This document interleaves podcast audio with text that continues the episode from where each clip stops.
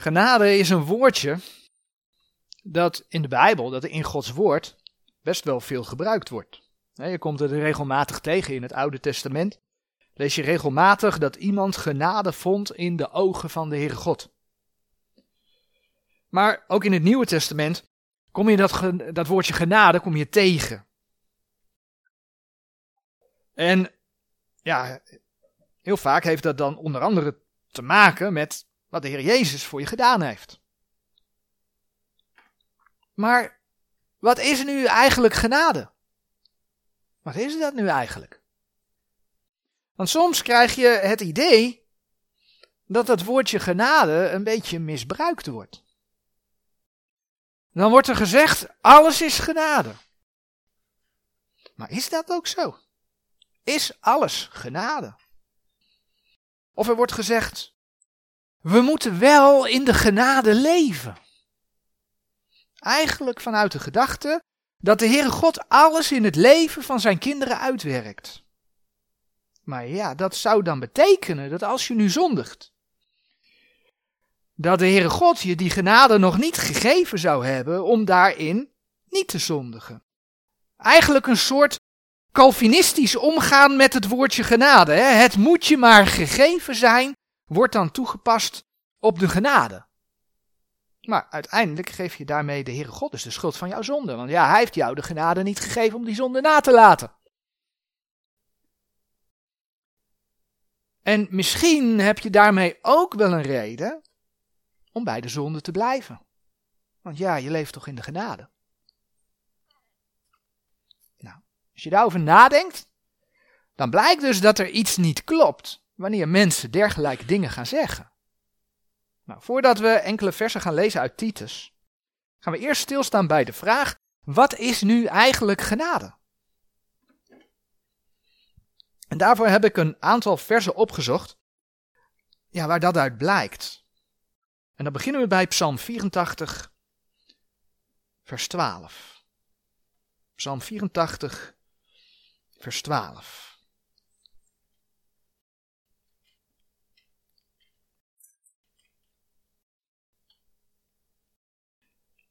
En in die psalm, 84, vers 12, lezen we, want God de Heere is een zonne en schild. De Heere zal genade en ere geven. Hij zal het goede niet onthouden, degene die in oprechtheid wandelen.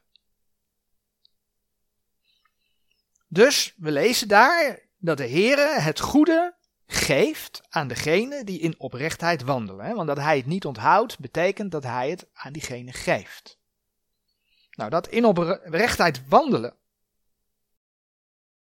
is in eerste instantie oud-testamentisch. En als je naar die Psalm 84 gaat kijken, ja, dan zie je dat het gaat over de, de altaren van de Heere, de God Jacobs. Dan zie je dat het gaat over de voorhoven in het huis mijns Gods in Sion. Eigenlijk typisch oud-testamentisch voor het volk Israël, met een kleine profetische heenwijs naar het duizendjarig vrederijk. Dus ja, niet vreemd dat Psalm 84, vers 12 ook dat oud-testamentische heeft. Maar als je beseft dat je als kind van God Gods rechtvaardigheid toegerekend hebt gekregen, zie je al gauw ook de toepassing op de gemeente. En dan kun je jezelf de vraag stellen: wandel ik wel in oprechtheid? Maar daar gaan we nu verder niet direct op in. Feit is dat we zien in dat vers dat genade inhoudt dat de Heer je het goede wil geven. Een ander vers dat we opzoeken is Romeinen 11, vers 6. Romeinen 11, vers 6.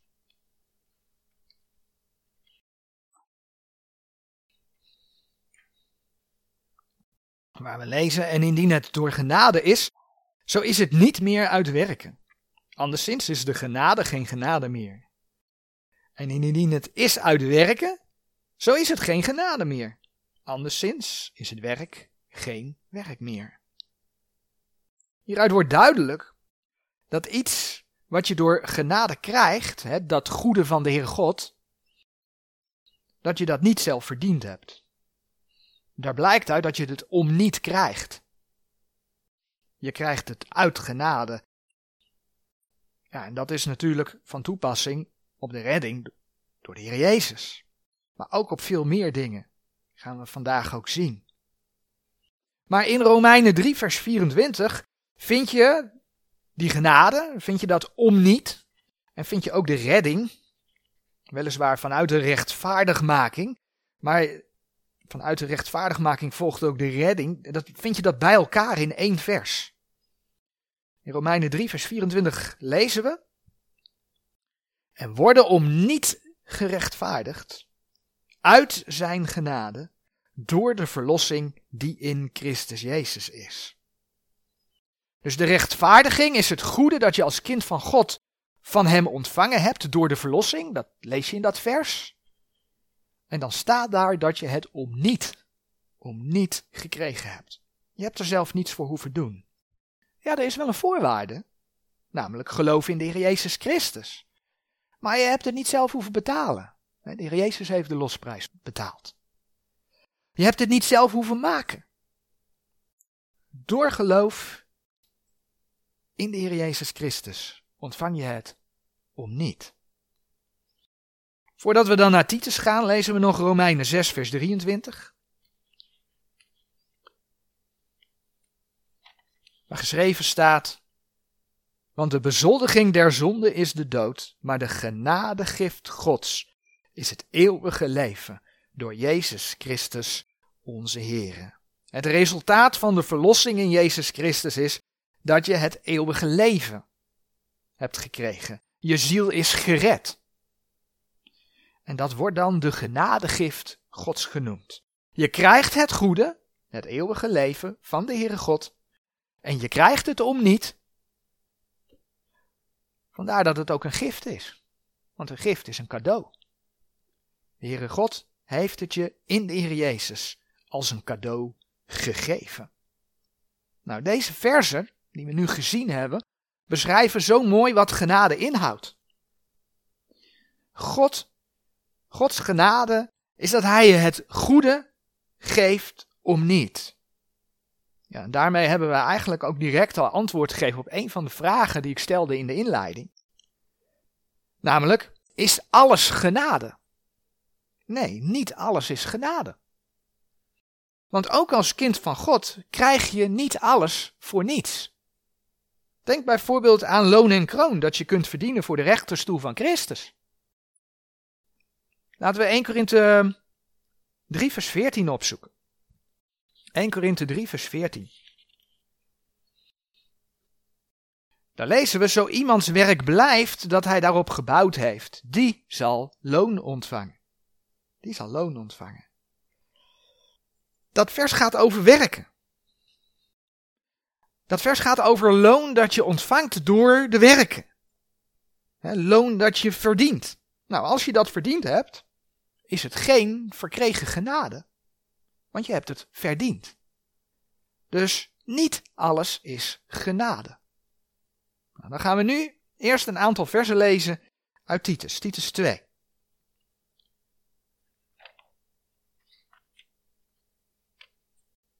Titus 2 vanaf vers 11.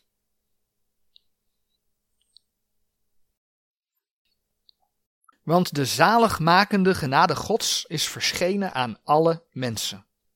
En onderwijst ons dat wij de goddeloosheid en de wereldse begeerlijkheden verzakende, matiglijk en rechtvaardiglijk en godzaliglijk leven zouden in deze tegenwoordige wereld, verwachtende de zalige hoop en verschijning der heerlijkheid van de grote God en onze zaligmaker, Jezus Christus, die zichzelf voor ons gegeven heeft, opdat hij ons zou verlossen van alle ongerechtigheid en zichzelf een eigen volk zou reinigen, ijverig in goede werken. Tot zover het schriftgedeelte. We hebben gelezen in vers 11, want de zaligmakende genade Gods is verschenen aan alle mensen. Dat vers gaat over de genade Gods. En een hele specifieke genade. Namelijk de zaligmakende genade Gods. Gods genade tot redding. We zullen straks namelijk zien dat de Heer nog veel meer genade wil geven. Maar eerst deze zaligmakende genade Gods. We hebben het gezien in Romeinen 3, vers 24. We hebben het gezien in Romeinen 6, vers 23. Dat de Heer om niet uit zijn genade redding aanbiedt. De Heer laat in zijn woord zien hoe hij alles schiep. Hoe hij ook de mensen als man en vrouw maakte. Hen plaatste in de Hof van Eden. En dat deed hij met een opdracht. Dat je allemaal in het begin van Genesis. En dan lees je hoe de mens niet luisterde naar de Heere God. Ja, daar begon de zonde. En doordat alle mensen hè, via de bloedlijn van Adam en Eva afstammen, zijn alle mensen zondig in de ogen van de Heere God. En zo kon David bidden. Ik denk dat we dat vers wel kennen. Psalm 51, vers 7. Zie, ik ben in ongerechtigheid geboren en in zonde heeft mij mijn moeder ontvangen. Als mens word je gewoon in zonde geboren. Je bent van nature zondig ten opzichte van een heilige God. En al probeer je nog zo je best te doen tegenover een heilige God, ga je het door die zonde gewoon niet halen. En dat maakt dat je als mens in vijandschap leeft met de Heere God. Ondanks dat de mens er zelf voor koos om te zondigen, waardoor die vijandschap er is met de Heere God, waardoor de eeuwige bestemming van de mens niet de hemel kan zijn, want je kunt met je zonde niet in de hemel komen. Waardoor dus je eeuwige bestemming de hel is. Zorgde de Heer God wel voor een oplossing. Een oplossing voor die zonde. En dat deed hij door in de Heer Jezus Christus naar ons toe te komen. En ja, dan gaan we een aantal versen lezen die we wel meer hebben gelezen. Maar het evangelie is het evangelie. En als we het over de zaligmakende genade gods hebben, dan moet het evangelie verkondigd worden.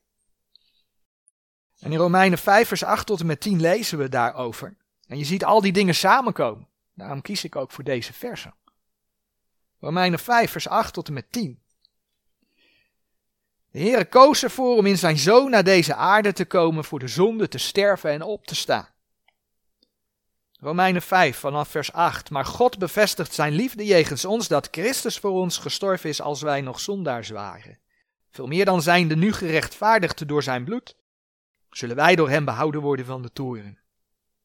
Want indien wij vijanden zijnde met God verzoend zijn door de dood zijn zoons, veel meer zullen wij verzoend zijnde behouden worden door zijn leven. Dus wanneer je de Heer Jezus als je persoonlijke verlosser kent, dus geloof dat Hij voor jou gestorven en opgestaan is, dan ontvang je het eeuwige leven. Dan is je ziel behouden. Dan gaat die ziel niet naar de hel, maar dan gaat die ziel naar de hemel. En dan zegt de Heer God dus dat je in Hem verzoend bent. Dan is er geen vijandschap meer, want je hebt in de Heer Jezus Christus vrede met de schepper van hemel en aarde. Nou, dat alles heb je als mens niet verdiend.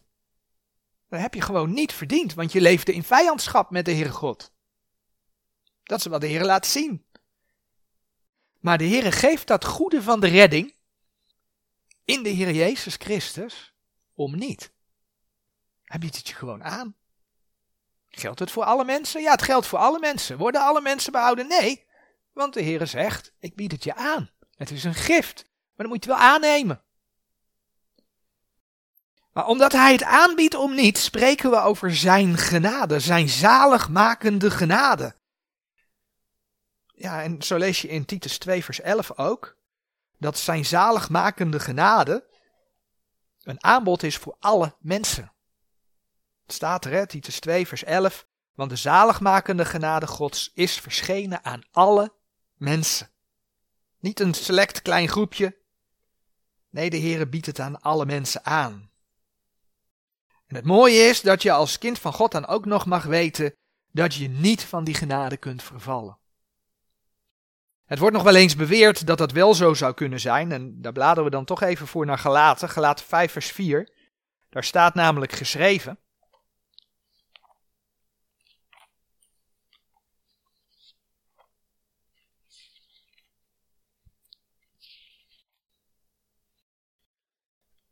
Christus is uw ijdel geworden die door de wet gerechtvaardigd wilt worden. Gij zijt van de genade vervallen. Het punt is dat die tekst niet gaat over wederom geboren kinderen van God. maar over mensen die denken bij de Heer te kunnen komen. Mensen die religieus op weg zijn, die naar de kerk komen. Die komen naar de gemeente van Galaten, maar die niet behouden zijn. En waarom niet? Omdat ze denken dat ze door de werken der wet, dat zeggen namelijk Galaten 5 vers 3 en 4, dat ze door de werken der wet bij de Heer kunnen komen. Nou, dat is een van de dingen wat de Heer laat zien, dat het behoud niet is uit de werken. Dus vers 4, het vervallen van de genade geldt voor mensen die ja, wel met de Bijbel bezig zijn, maar het denken zelf te kunnen doen. Die zijn vervallen van de genade. Dus als kind van God mag je weten gered te zijn door zijn genade, omdat je de Heer Jezus als je persoonlijke verlosser hebt aangenomen. Nou, wil je meer over die tekst van Galaten 5 vers 4 weten? En hoe dat zit met, met dat vervallen van de genade? Dat wordt veel uitgebreider besproken in deze video. Op ons YouTube of BitChute kanaal Bijbel en Geloof. Kan een kind van God van de genade vervallen? Dus die video zou je dan kunnen bekijken. We hebben het dus gehad over de zaligmakende genade Gods. Gods reddende genade. Maar dat is niet de enige genade die de Heer je als kind van God wil geven. Laten we beginnen bij 2 Korinthe 4 vers 15.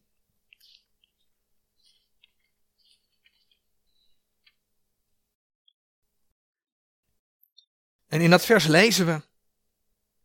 Want al deze dingen zijn om uwentwil, opdat de vermenigvuldigde genade door de dankzegging van velen overvloedig worden ter heerlijkheid Gods. Vermenigvuldigde genade die overvloedig wordt, staat daar geschreven.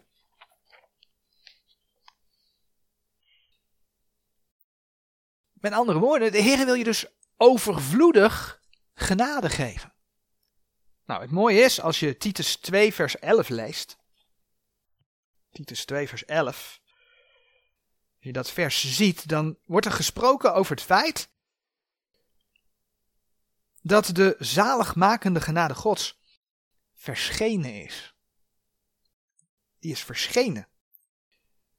Dat is dus een verwijzing naar de Heer Jezus Christus zelf. Want Hij is verschenen. Laten we wel zijn, redding is niet het doen van goede werken. Redding is niet in het doen van sacramenten. Redding is niet in het naar de kerk gaan.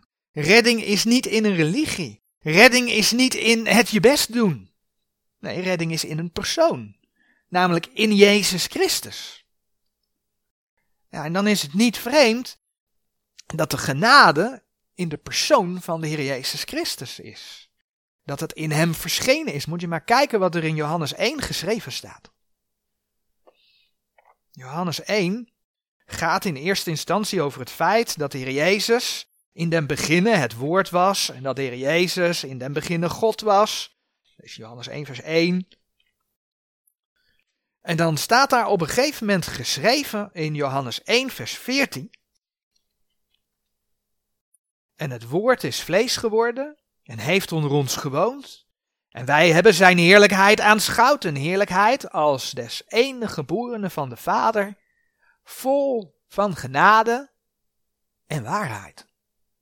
De Heer Jezus Christus was vol van genade en waarheid. Dus in hem is Gods zaligmakende genade voor alle mensen op aarde verschenen. En dan zegt vers 16 nog, Johannes 1 vers 16, en uit zijn volheid hebben wij alle ontvangen, ook genade voor genade. Dat slaat op de volheid van zijn genade. Op de onuitputtelijkheid van zijn genade. De Heer geeft nu genade, maar de volgende keer geeft hij weer genade. Zoals we zagen in de brieven van Paulus aan de gemeente, wil de Heer zijn genade overvloedig geven. Wil het je overvloedig geven. Als je een kind van God geworden bent, wat je dus niet uit de werken geworden bent, hè, dat zegt ook zo mooi Efeze 2, vers 8 en 9. Laten we naar Efeze bladeren. Dan lees je toch wel dat de Heer vraagt om goede werken te gaan doen. Je bent er niet uit behouden, maar dan ben je behouden en dan zegt de Heer, en dan wil ik nu dat je graag goede werken gaat doen. Laten we het lezen in Efeze 2 vers 10. In vers 8 en 9, we kennen de versen wel, daar staat dus hè, dat, dat uit genade zijt gij zalig geworden door het geloof. Dat niet uit u, het is Gods gave, niet uit te werken op dat niemand roemen. En dan komt vers 10. Want wij zijn zijn maaksel, geschapen in Christus Jezus.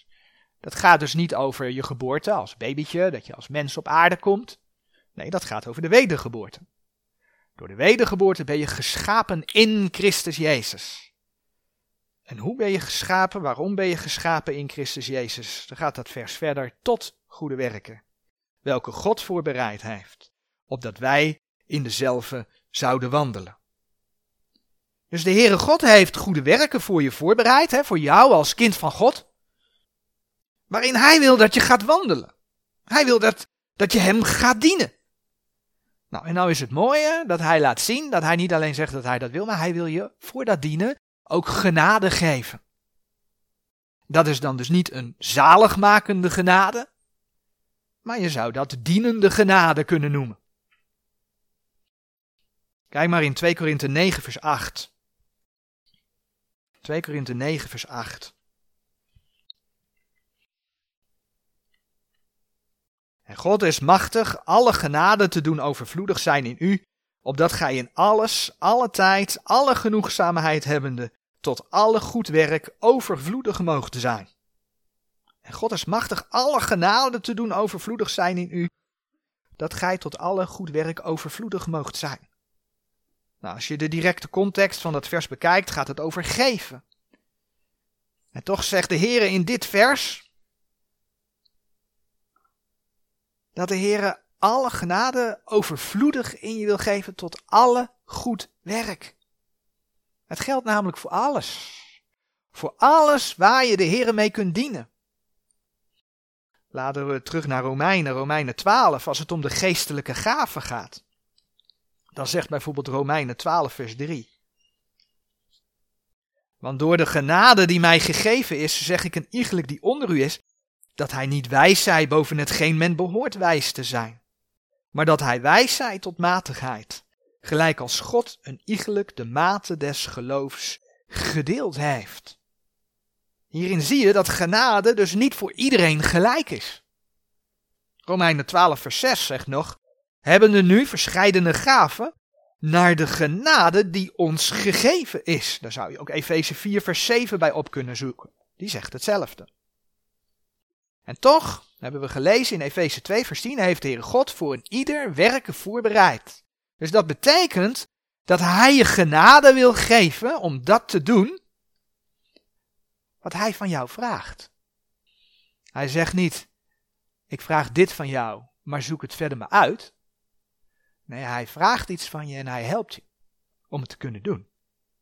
En daardoor zei Paulus bijvoorbeeld in 1 Korinthe 15 vers 10, 1 Korinthe 15 vers 10.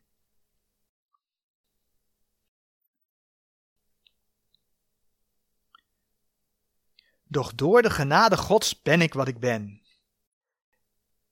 En zijn genade die aan mij bewezen is, is niet ijdel geweest, maar ik heb overvloediger gearbeid dan zij allen. Doch niet ik, maar de genade Gods die met mij is. In vers 9 lees je dat Paulus zich de minste van de apostelen noemde. Dat is het vers ervoor. Omdat hij de gemeente Gods vervolgde. En toch is hij tot geloof gekomen. Hij ging zijn verleden voor drekken achter, zegt Filippenzen 3 vers 8 bijvoorbeeld. En hij ja, ging wat hij de gemeente leerde, zijn leden stellen goden tot wapenen der gerechtigheid. Hè? Romeinen 6 vers 13. En daardoor kon hij meer werk voor de Heeren doen dan de anderen. En daarom zei hij, 1 Korinthe 15 vers 10, doch door de genade Gods ben ik wat ik ben. Niet om bij de zonde te blijven. Integendeel, hè? hij had zich bekeerd. Hij had zich afgekeerd van de zonde en diende de Heere. Maar toen zei hij, doch niet ik, maar de genade Gods die met mij is. Dat is het laatste stukje van 1 Korinthe 15, vers 10. Het was de Heere die hem de genade verleende om al die dingen te kunnen doen. En een van de dingen die Paulus deed was het verkondigen van het evangelie. En ook daar gaf de Heere hem de genade voor. Een mooi voorbeeld daarvan is Efeze 3, vers 8. Efeze 3, vers 8. Waar je geschreven vindt, dan zegt Paulus weer dat hij zichzelf als de allerminste ziet. Mij, de allerminste van al de heiligen, is deze genade gegeven om onder de heidenen door het evangelie te verkondigen de onnaarspeurlijke rijkdom van Christus. God gaf hem daar de genade voor. Ja, zo geldt het ook voor de werken die de Heer voor jou heeft voorbereid. Hij zal je er de genade voor geven. Maar ook daar blijft het niet bij. En de Heer geeft overvloedige genade. Nog een voorbeeld. Als gelovige kom je soms moeilijkheden tegen. En dat kan tweeërlei zijn. En misschien nog wel meer vormen, maar ik behandel er twee. Dat kan lijden zijn om de naam van de Heer Jezus. Oftewel, je probeert voor je geloof in de Heer Jezus te staan. En dan zijn er anderen die het je daarom moeilijk maken. Maar er zijn natuurlijk ook andere vormen van lijden. En dan hebben we het even niet over kastijding. De kastijding heeft ermee te maken dat als jij niet overeenkomstig Gods woord leeft, dat de Heer jou kastijdt. Het enige antwoord daarop is bekering. Over die vorm hebben we het even niet. Maar door de zondeval kan je lichaam ziek worden. Soms maak je moeilijkheden mee die door anderen veroorzaakt zijn. Of er zijn dingen in je leven, en ja, dat weet je nooit. Maar soms test de Heer zijn kinderen om te zien waar ze staan. Of ze wel trouw zijn. Ook dat kom je in Gods woord tegen. En weet je wat Hebreeën 4 vers 16 dan zegt? Hebreeën 4 vers 16.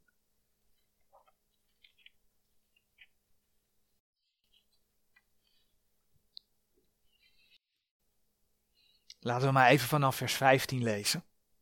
Want wij hebben geen hoge priester die niet kan medelijden hebben met onze zwakheden, maar die in alle dingen gelijk als wij is verzocht geweest, doch zonder zonde.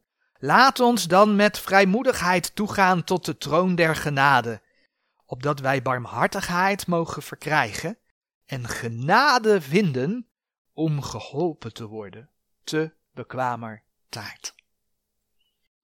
Je mag de Heer dus onder andere bidden om genade te ontvangen, in die zin dat Hij je helpt. Dat hebben we net gelezen. En genade vinden om geholpen te worden te bekwamer tijd. Dat is ook wat je onder andere leest in 1 Korinthe 10 vers 13. Daar komt het woordje genade niet voor, maar dat heeft wel hiermee te maken. 1 Korinthe 10 vers 13. Hele bekende belofte.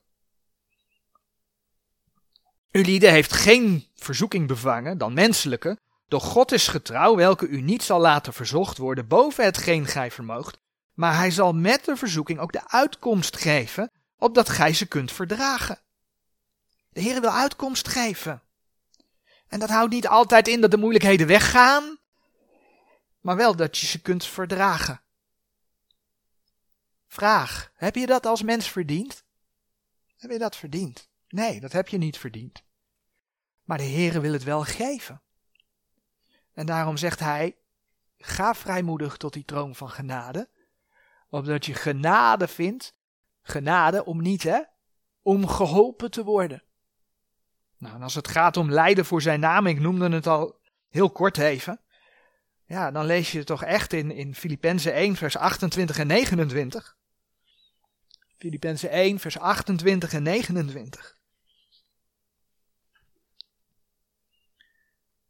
En dat gij in geen ding verschrikt wordt van degene die tegenstaan, het welk hun wel een bewijs is des verderfs, maar u der zaligheid, en dat van God. Want u is uitgenade gegeven in de zaak van Christus, niet alleen in hem te geloven, maar ook voor hem te lijden. De Heer noemt dat genade. Met andere woorden, hij wil daarin nabij zijn. Dat zijn zomaar enkele voorbeelden hoe de Heere genade voor genade schenkt. Niet alleen op het moment dat je tot redding kwam, maar ook daarna. Elke keer weer overvloedige genade. Zie je hoe rijk je als kind van God gezegend bent, wat de Heer je allemaal wil geven. Mooi?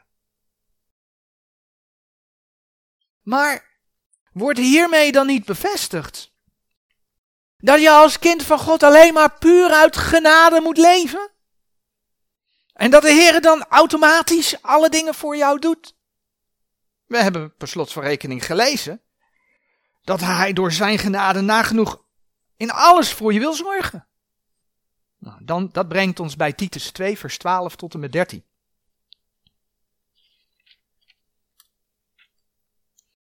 Titus 2, vers 12 tot en met 13, dat over de zaligmakende genade Gods het volgende zegt.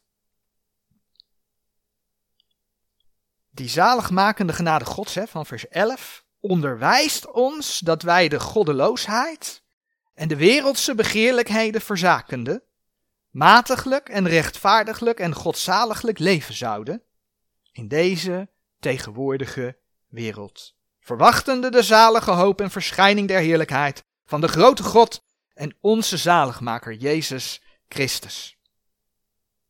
Nou, daar waar Titus 2 vers 11 spreekt over mensen, omdat de boodschap van het evangelie voor iedereen is, spreken deze versen 12 en 13 over ons. Ons. Titus 2 vers 12 en 13, Paulus schrijft het aan Titus, en als hij dan over ons schrijft, dan gaat het dus over Paulus en Titus. Gelovigen, wederom geboren gelovigen in Christus. Dat betekent dus dat vers 12 en 13 aan de gemeente van de Heer Jezus Christus ja, geschreven zijn. Dat ze voor de gemeente bedoeld zijn. En dan lezen we dus dat de zaligmakende genade Gods onderwijst.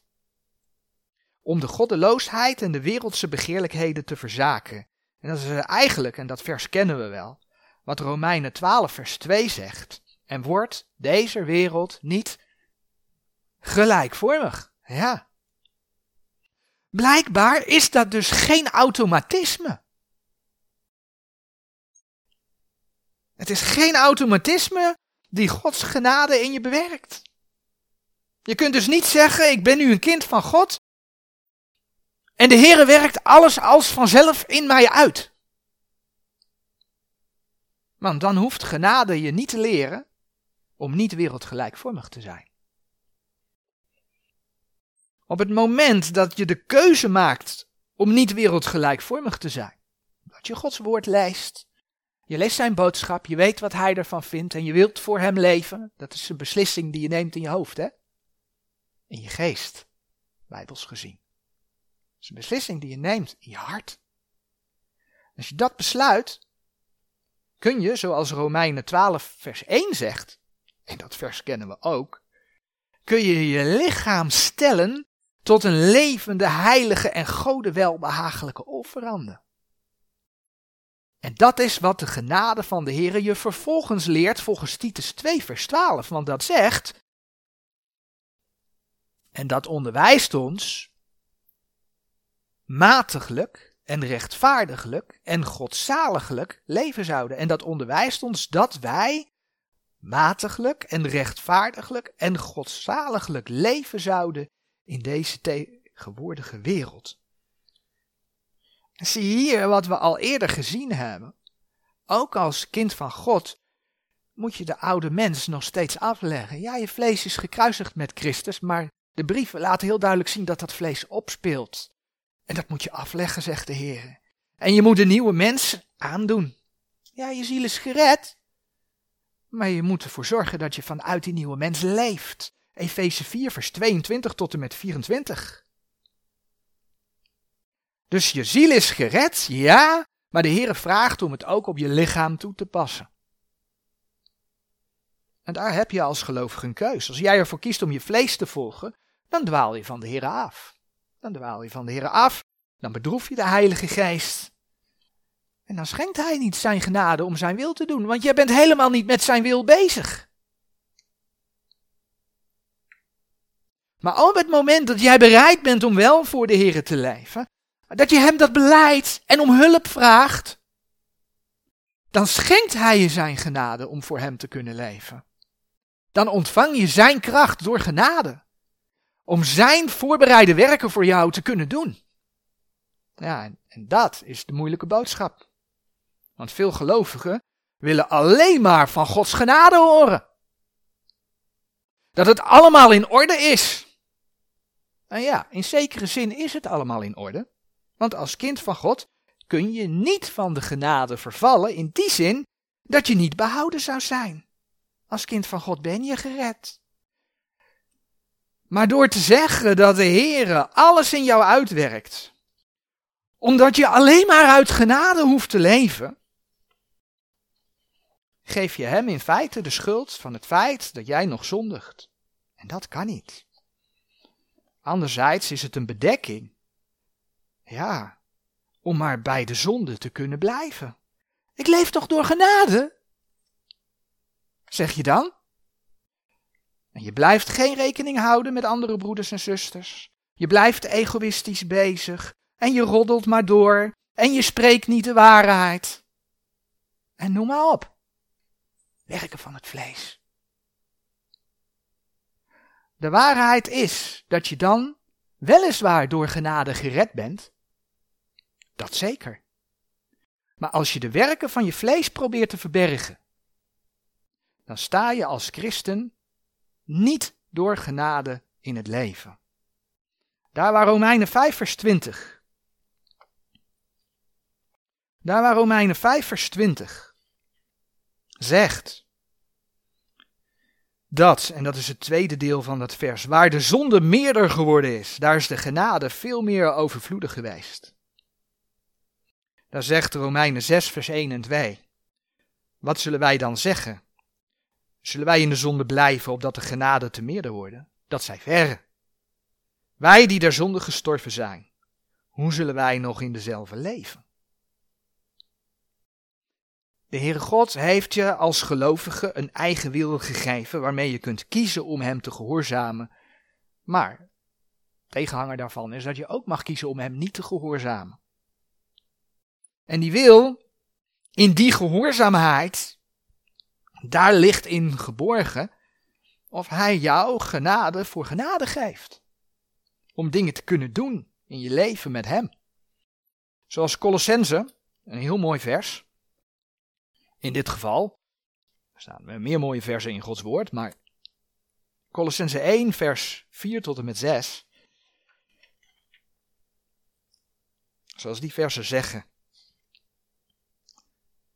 Even kijken. Colossense 1 vers 4. Alzo wij van uw geloof in Christus Jezus gehoord hebben en van de liefde die gij hebt tot alle heiligen, om de hoop die u weggelegd is in de hemelen, van welke gij tevoren gehoord hebt, door het woord der waarheid, namelijk des evangelies, het welk tot u gekomen is, gelijk ook in de gehele wereld, en het brengt vruchten voort, gelijk ook onder u, van dien dag af dat gij gehoord hebt en de genade Gods in waarheid bekend hebt. Dat gaat heel diep. Dus niet alleen maar horen, niet alleen maar Gods woord lezen, niet alleen maar onder de prediking zitten, maar het horen en in waarheid bekennen. Daar gaat het om. Er komt pas vrucht in je leven als je de genade Gods in waarheid bekent. Ja, en dat maakt dan zelfs dat de Heer laat zien dat je als gelovige moet groeien in genade.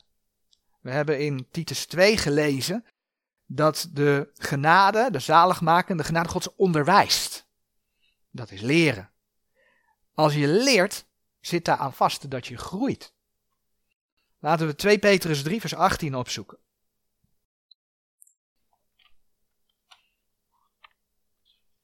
En voor de mensen die zeggen de schrift te delen, maar vervolgens de brieven van Petrus en Johannes echt helemaal afstrepen voor de gemeente.